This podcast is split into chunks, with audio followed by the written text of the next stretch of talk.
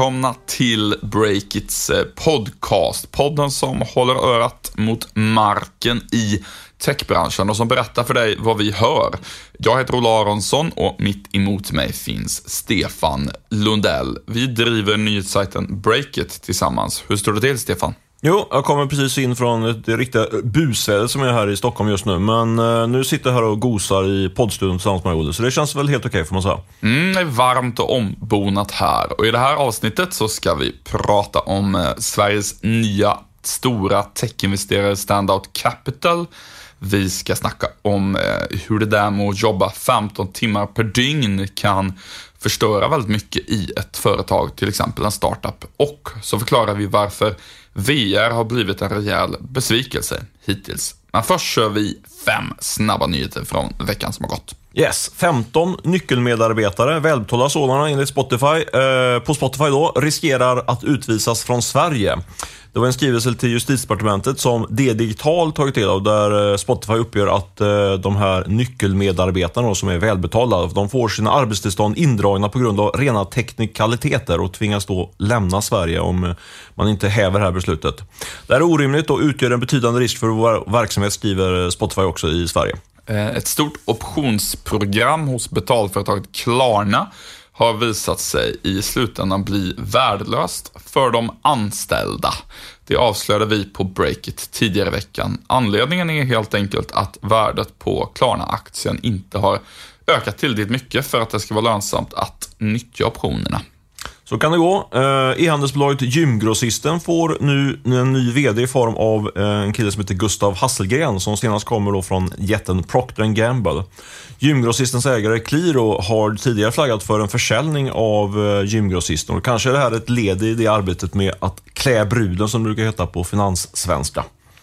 Yes, och rapmogulen Jay-Z, han har fått upp aptiten för tech-investeringar. Efter att ha sålt en del av sin Spotify-utmanare Tidal eh, med rejäl vinst så ska Jay-Z nu starta en stor techfond. Det rapporterar sajten Axios. Slutligen så kan vi notera att den svenska e-handeln går som tåget. Den ökade med 16 procent under 2016 och det innebär i kronor att den gick från 50 miljarder till nästan 58 miljarder kronor. Det innebär samtidigt att e-handeln stod då för en tredjedel av hela tillväxten i handeln under det året. Det rapporterade E-barometern tidigare här i veckan.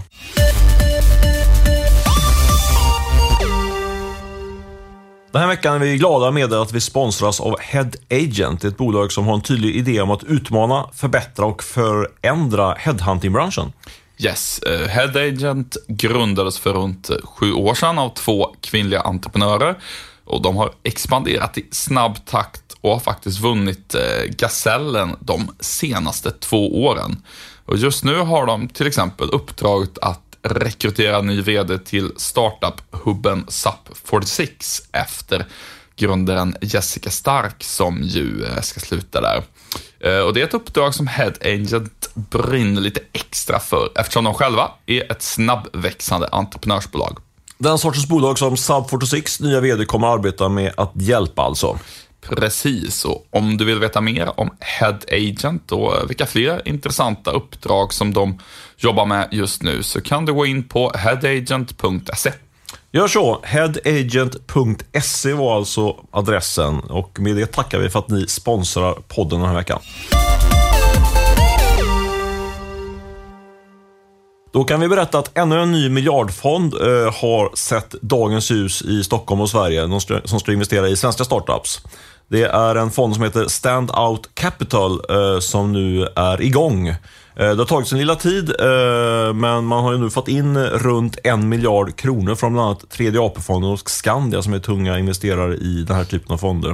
Eh, och lite mer fakta i målet till Standard Capital. De ska investera i steget efter då sådd och A-runda, så det blir ganska stora investeringar, kanske någonstans mellan 50 100, kanske uppåt 150 miljoner kronor per investering. Och deras plan är att de ska bli, bli huvudägare då i, i de techbolagen som de investerar i. Ja, eh, jag noterade där i deras egen skrivning på sajten att det var nästan bolag som inte var startups längre. Man skulle eh, vara, kanske omsätta närmare 100 miljoner och gärna ha nått lönsamhet. Så att det är lite, precis som du säger, steget efter de här sådd och A-runda, de klassiska mer eh, startup-rundorna när bolag inte kanske riktigt har eh, nått lönsamhet och så. Du, eh, vilka står bakom Standard Capital? Ja, det är ju ett, eh, det är en intressant eh, notering där att de då investerar i bolag som har kommit en eh, lite längre bit på vägen. kanske konkurrerar med riskkapitalaktörer som e-equity och Verdane kanske, som har lite grann det liknande fokus som också investerar i lönsamma bolag. Eh, men kanske kan det vara så, det är nämligen så att det, det, är eh, tre stycken som står bakom det här bordet. Det är en kille som heter Fredrik Arnander, eh, sen är det Claes Hillström och Erik Westlund. Ska presentera dem snart, men eh, grejen är i alla fall att Fredrik Arnander har ju flaggat för den här fonden, om inte annat på sin LinkedIn-profil under ganska lång tid. Så kanske det är så att de har skruvat om konceptet och eh, nu satsar då på, på det här lite mer, um, stö, ja, större, de här större investerarna? Jag, jag, jag, tror utifrån vad jag hörde när det begav sig, det var ju nästan tre år sedan som de var ute och först började prata med entreprenörer om att de skulle starta den här fonden. Det var det var ungefär den idén som var då också. De pratade ja, om så, så kallade growth-investeringar. Så jag tror inte de har behövt skruva om. Däremot har det ju um, tagit lite tid för dem att få in pengar till, till fonden. Men det är nog ungefär samma fokus som, som jag minns det då. Mm. Uh, men du, uh, ska vi presentera lite mer utöver namnen? De här personerna som, som ja, står absolut. bakom. Fredrik Anander är ju en liten eh, profil får man säga i startup-världen. Han har ju bland annat grundat den här fondhandelsplatsen Fondex som, som lanserades, det var ganska, ganska många år sedan nu. Och han står också bakom det här marknadsföringsverktyget Keybroker. Eh, entreprenör helt enkelt som nu ger sig in i, eh, i riskkapitalsvängen. Sen har vi Claes Hillström som är en ganska meriterad kille från, eh, från familjen, West, eh, familjen Wallenbergs Investor, investmentbolaget där, har han jobbat med med eh, eh Groof-investeringar. Och slutligen Erik Westlund då, det är också en eh, bankir kan vi kalla Man har också jobbat som entreprenör under ett antal år vad jag har förstått. Så ja, det, det är teamet bakom den här fonden som då drar in ungefär en miljard kronor, sådär. Du, eh, finns det plats för ytterligare en eh, techfond i Stockholm? Ja, det är väl en högst relevant fråga. Man känns lite grann som en papegoja här när man sitter och, eller den här som ropar efter vargen som aldrig kommer. Men det är klart att det, det här skulle jag måste ändå säga att det är ännu ett tecken på att eh, marknaden är ganska het, kanske till och med överhettad. Eh, det finns ju många, Atomico aviserar ju att de drog igång investeringar i sin nya jättefond här för några veckor sedan. Eh, och det finns ytterligare andra gäng som är ute på stan och försöker stänga liknande fonder på, i storleksordningen någon miljard. Eller två kanske till och med. Så eh, ja, jag tror att... Eh, vad är svaret på den frågan? Alltså, det beror lite grann på hur man ser det. Vi, vi tror ju här på Break att det är strukturella eh, förändringar i näringslivet som vi, håller, som vi bevittnar nu. Så det, på lång sikt så finns det väl Eh, en plats för massa, eh, många, många miljarders investeringar i techsektorn. Men, eh, men det känns just nu som det är lite väl hett och värderingarna är lite väl högt upptrissade. Eller vad säger du själv?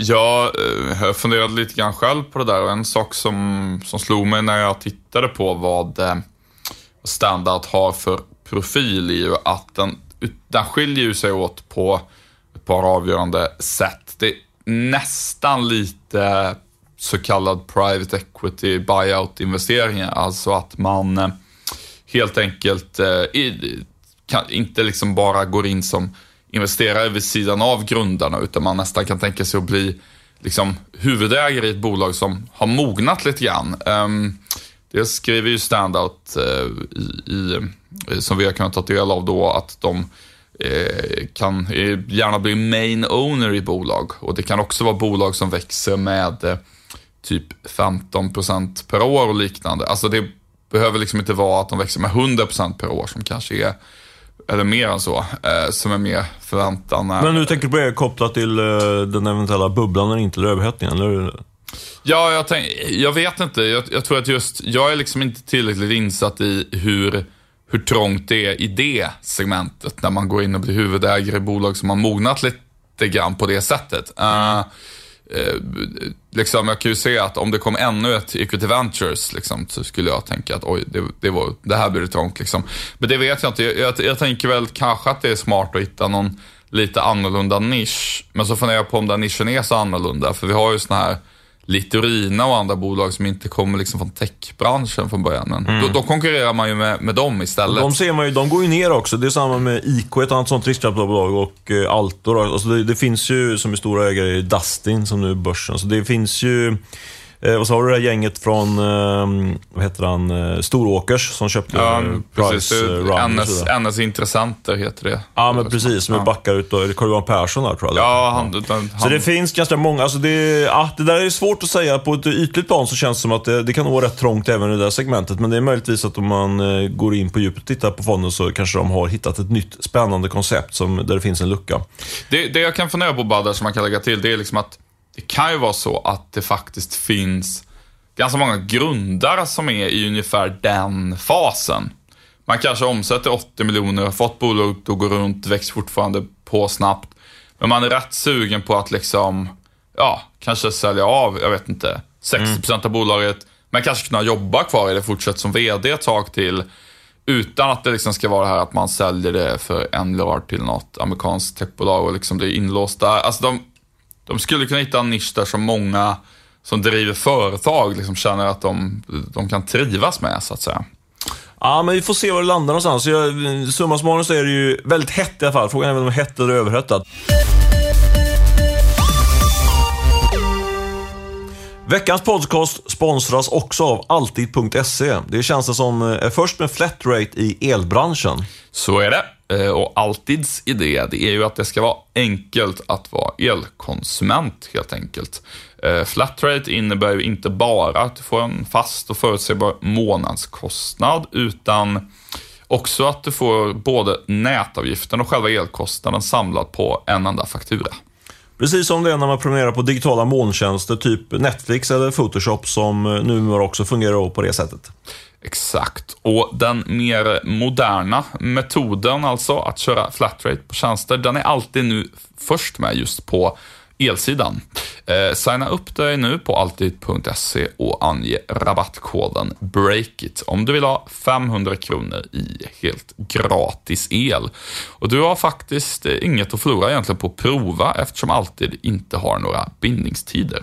Helt rätt. Tack alltid för att ni sponsrar oss. Då tänkte jag att vi skulle prata lite grann om företagskultur och hur det kan påverka ett bolags affär. Eh, kanske inte ett eh, jättevanligt ämne här i podden, men vi eh, tycker själva mer och mer, eh, eller jag kan bara prata för mig själv, vi, jag blir mer och mer intresserad av de här typen av frågor. Jag tror verkligen att det är, finns eh, affärskritiska samband mellan företagskultur och ja, hur affären påverkas. helt enkelt. Ofta vad det gäller startup så pratar man ju mest om hur teknik och produkt eller finansiella faktorer påverkar bolaget. Men eh, som sagt, kulturen kan också vara helt avgörande. Eller vad, vad, vad tycker du Olle? Eh, En sak som har slagit mig väldigt mycket, det är att eh, när man pratar med före detta anställda till exempel om varför ett bolag har gått åt skogen. Det är väldigt många som säger, ja men vi fick fel kultur, liksom. det, det blev fel känsla i bolaget, i hur vi liksom pratar med varann och hur vi bemötte kunder. och sådana här mjuka faktorer som liksom inte är lika tydliga kanske som, ja, vi fick slut på pengar eller, eller vi, vi hängde inte med i ett teknikskifte eller sådär. Eh, och jag tänkte att vi ska ta några konkreta exempel på hur det kan vara eh, väldigt dåligt för ett företags affär, att det sätter sig konstiga saker i kulturen. Ja, på det temat så tycker jag, alltså en väldigt konkret och viktig fråga som jag tycker då hör samman väldigt mycket kring företagskultur är ju helt enkelt hur mycket jobbar man? Eh, Och där skiljer det sig ganska mycket åt mellan olika techbolag, hur, man, ja, hur många timmar man gör är på kontoret helt enkelt. Verkligen. Det är ju en del grundare som eh, själva jobbar väldigt mycket och också till viss del pushar andra att jobba väldigt mycket. Och eh, Sen finns det en del som är tvärtom och spontant kan man ju tänka sådär, nej, men där folk jobbar riktigt, riktigt mycket, där folk sätter in många timmar, de bolagen borde ju kunna växa snabbare. Men det är inte alls säkert att det är så. Um, jag tänkte på det när jag träffade Soundtrack Your Brand-grundarna häromveckan. De har ju varit väldigt tydliga med att säga liksom att ja, men, på det här bolaget ska man jobba typ 9 till 5. Mm. Vanliga tider från början. Um, och det skiljer sig åt från, från vad många andra tycker. Um, och jag tänkte ta det lite grann som utgångspunkt, det med att de som, som driver en startup som just nu många ser som ett stort framtidslöfte i, i Sverige och som säkert inspirerar eh, yngre grundare och så. De säger vi ska kunna jobba 9 till 5 och eh, sen eh, hade jag det lite grann i bakhuvudet och så sprang jag på en före detta anställd på ett stort svenskt techbolag och börja prata om de här kulturfrågorna. Vad Vilket undrar man såklart. Ja. ja, men jag, jag har faktiskt inte kollat den uppgiften närmare, så jag väljer att inte säga vilket bolag det var eftersom mm. jag inte kollat så i detalj. Men jag tror inte att det är poängen heller, utan eh, den här medarbetaren då vittnade om att eh, när han jobbade på det här stora techbolaget i Sverige gick det till så här, bland annat att det satt en person bredvid honom eh, och den här personen skulle fylla i ett Excel-dokument och då gick det till så att eh, han eh, tog liksom en miniräknare och knappade in siffrorna på miniräknaren och sen fyllde han liksom i manuellt varje ruta i Excel. Det låter som när jag gör Excel-dokument. Ja, ja, men lite så. Vi, ingen av oss är väl Excel-experter från början, även om vi börjar lära oss. Eh, men, och, och, och, grejen är att då tar det ju väldigt lång tid att göra någonting om man bara ja. liksom knappar in det där manuellt. Hade man använt Excels funktioner hade man kunnat göra det på fem minuter. Nu tog det liksom flera timmar. Men poängen då är ju liksom att om man har en kultur där man ska jobba många timmar så uppmuntras det ju att man kanske sitter liksom i, i, i ja, man sitter kvar, man jobbar i 15 timmar men man gör det där. Och det kan ju faktiskt leda till att du blir mer ineffektiv. Alltså att om målet är att ja, du ska vara här många timmar, köra mycket Facetime då kan ju det göra att folk, ja, folk gör det helt enkelt, oavsett hur effektivt man jobbar. Det kan jag verkligen själv vittna om. Jag, vet, jag var ju med på en startup för rätt länge sedan som hette Vision och där var det ju en eh, kultur att man jobbade väldigt, väldigt mycket. Eh, men effekt, jag vet själv, att jag, då, strö, då rullade jag in där vid nio snart på, på morgonen och sen så hade man inte så, så bra tempo för man visste att man skulle vara kvar till nio, tio på kvällen. Eh, så jag, jag, kan eh, verkligen känna igen mig i det, jämfört med lite grann som vi, ja, som vi försöker göra idag, att man är här tidigt och går hem lite tidigare, i alla fall utifrån mitt perspektiv. Att man, jag, jag tror ganska hårt på det här med åtta timmar är ungefär det man orkar. Inte mycket mer kan man inte vara effektiv. Sen när man sitter, eh, om det är Facetime, liksom 15 timmar eller 8 timmar, det, det kan bli ungefär samma output på det. Och, och sen så lite grann, vissa människor kanske liksom, ja, vill funka ännu bäst om de jobbar sju timmar och andra om de jobbar tio liksom. Men oavsett vad så automatisering leder ju till att man kan jobba mindre. Alltså mm. ju effektivare man blir, ju mindre kan man faktiskt jobba. Um, och det är ju det man vill driva fram egentligen, tycker jag i alla fall. Um, om det tror jag, men jag, tänker, men jag tycker ändå att det är en poäng där med att uh, mindset, om man vet att man ändå kommer vara där väldigt många timmar, så tror jag faktiskt att uh, effektiviteten mm. blir sämre. Ja, men verkligen. Vi menar samma sak där. Ja. Uh, du, men det är också intressant apropå det då, att den här kulturen, du ska vara på jobbet väldigt länge, finns på vissa techbolag. Och på vissa andra som är, liksom har varit mega framgångsrika så har man inte alls den kulturen. Eh, du har ju ett exempel där, Stefan. Ja, men precis. Eh, vi, när vi snackade om det här igår lite grann, vad vi skulle prata om kring, kring arbets eh, förhållande och kultur och, och längden på jobb och sådär, så slog det mig att jag gjorde en intervju med Sebastian Knutsson, grundare av King, som är, som man måste säga, en superframgång. En miljard, eh, du är en av våra unicorns här i Sverige. Eh, och jag minns väldigt tydligt att han, eh, det var det gäng bakom King, de hade ju en bakgrund på, från, eh, från Spray, eh, som var det heta, heta techbolaget eh, 99-2000 och sådär. Och då jobbade de dygnet runt typ.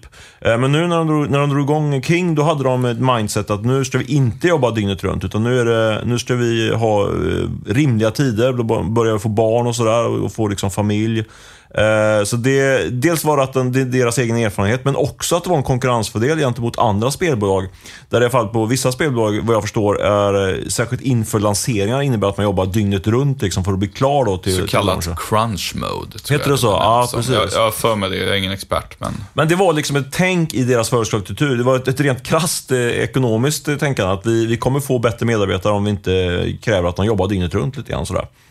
Eh, ett annat exempel på hur man kan resonera kring det här, det kom ju du Stefan på när vi pratade mm, om det här inför podden. Peter Arvaj, eh, svensken som har skapat eh, PowerPoint-utmanaren Pressi, han har ju också en, en, han har en filosofi som skiljer sig från King-grundarna kan man säga. ja, det kan man säga. Jag kommer ihåg, och även det är tydligt när jag gjorde intervju med honom, det var, det var några månader sedan. Men uh, han var ju väldigt tydlig med att uh, här gäller det att jobba dygnet runt i princip. Han jobbade mellan 12 och 14 timmar alla dagar i veckan. Det var väldigt få helger som han var ledig. Eh, och han, han tyckte ju, sa ju det explicit, att han tyckte att man i, i Stockholm jobbade lite för lite helt enkelt. Det var, drar du igång någonting så måste du jobba dag och natt var hans inställning. Och han, han trodde att eh, det var en konkurrensfördel mot, eh, mot eh, för Silicon Valley kontra Stockholm helt enkelt. Sen så, om du ska fortsätta namedroppa olika människor som, som jobbar mycket eller lite, så, så måste jag ju såklart ta upp eh, exemplet med Daniel Ek, som jag också gjorde en intervju med här. Det var ju rätt länge sedan den intervjun, det var kanske två år sedan, ett och ett halvt sådär. Men jag kommer ihåg att dels att jag noterade att han såg rätt sliten ut faktiskt.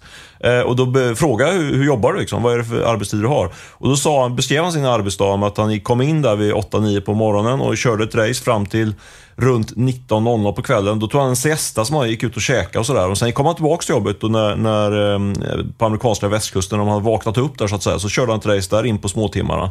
Uh, ja, det är rätt hårt tempo. Uh, nu har han ju fått barn och så, så jag vet inte om han kör samma, samma hårda tempo nu. Men det är två, två uh, små inblickar i hur rätt tunga startup-entreprenörer lägger upp sina arbetsdagar. då. Och, och kanske kan man reflektera hur det påverkar då, den övriga kulturen. För man tittar ju ganska mycket på hur chefen gör såklart. Ja, absolut. Ehm, jag tror att det är ganska många grundare som jobbar med sina anställda. Så jag tror inte att man som grundare måste jobba specifikt åtta timmar. För övrigt, det här åtta timmar är ju bara något lagstadgat. Ja, Det är inte, det är inte, så, att, på, det är inte ja. så att Gud har liksom bestämt att det är, arbetstiderna förändras historiskt sett ehm, Ja, du rätt i. eh, i Sverige. Men, eh, eh, men med det sagt, liksom, så att, eh, det måste nog inte vara så att de anställda gör precis som grundarna. Man kan nog sända andra signaler än hur mycket man jobbar själv. Men med det sagt så, så tycker jag att en sak som man har lärt sig när man har drivit bolag nu i ett par år, det är ju liksom att rekrytering är ju liksom bland det, både det viktigaste men också bland det svåraste och jobbigaste och mest tidskrävande man kan hålla på med. Och om man då kan behålla personal i liksom sju år istället för tre år. För att de dels inte slits ut så att säga, men också eh, känner att de kan vara kvar eh, trots att, det låter nästan konstigt, trots att de, de får barn.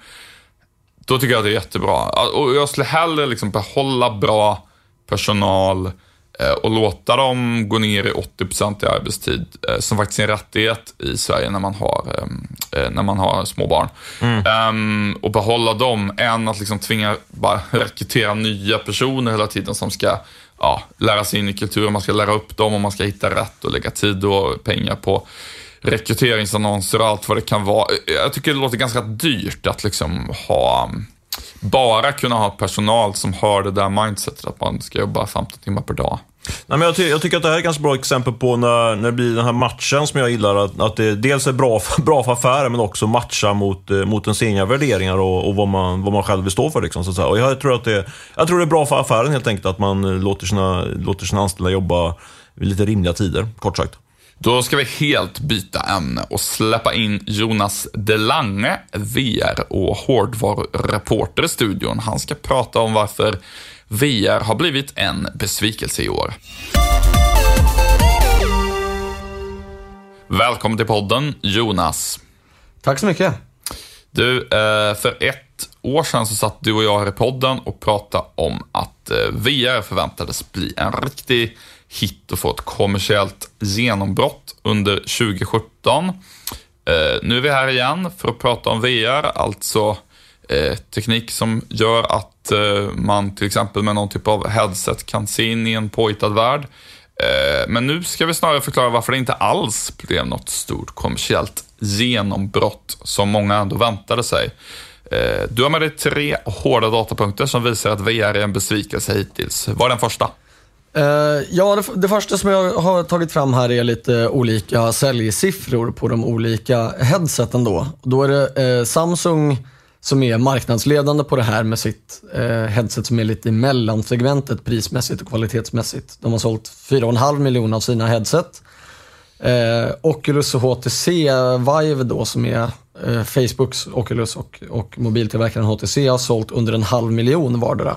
Och Just det. Playstation har sålt drygt 700 000. Så totalt är det bara 6,3 miljoner headset som har sålts under året.